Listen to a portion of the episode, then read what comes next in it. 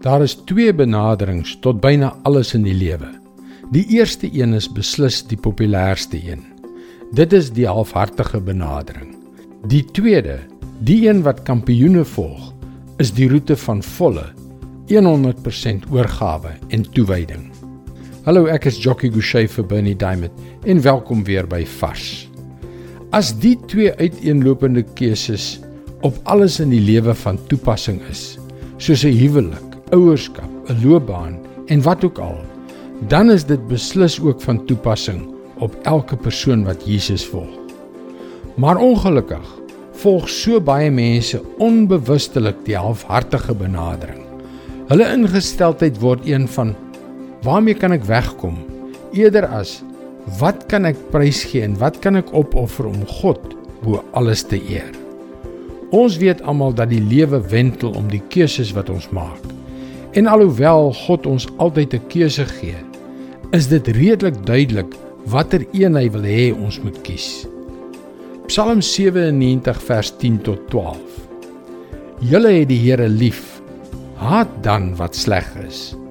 Hy bewaar die lewe van sy troue dienaars. Hy red hulle uit die greep van die goddelose. Vir die regverdiges het daar lig gekom. Blydskap vir die opregtes. Wees bly in die Here. Regverdiges, prys sy heilige naam.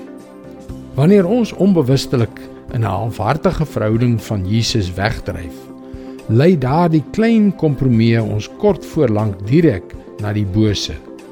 Dit is so maklik om weg te dryf in situasies waar ons daagliks deur al die bose mense rondom ons aangemoedig word om die verkeerde keuses te maak wanneer ons die pad van kampioene volg en altyd op soek is na wat ons kan opoffer om God met ons lewens te dien en wanneer ons die bose vermy nee wanneer ons die bose verag dan is daar skielik 'n oorvloedige dividend wat ons nooit verwag het nie.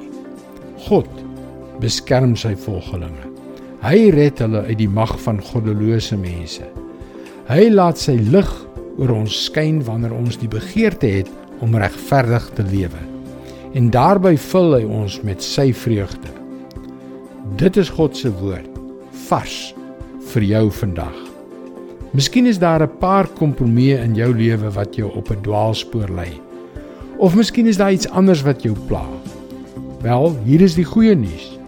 Die enigste soort gebed waarvan die Bybel leer, is die soort wat kragtige resultate het. Gaan dus na powerfulprayer.org om jou gebedsversoek te deel sodat ons saam met jou kan bid.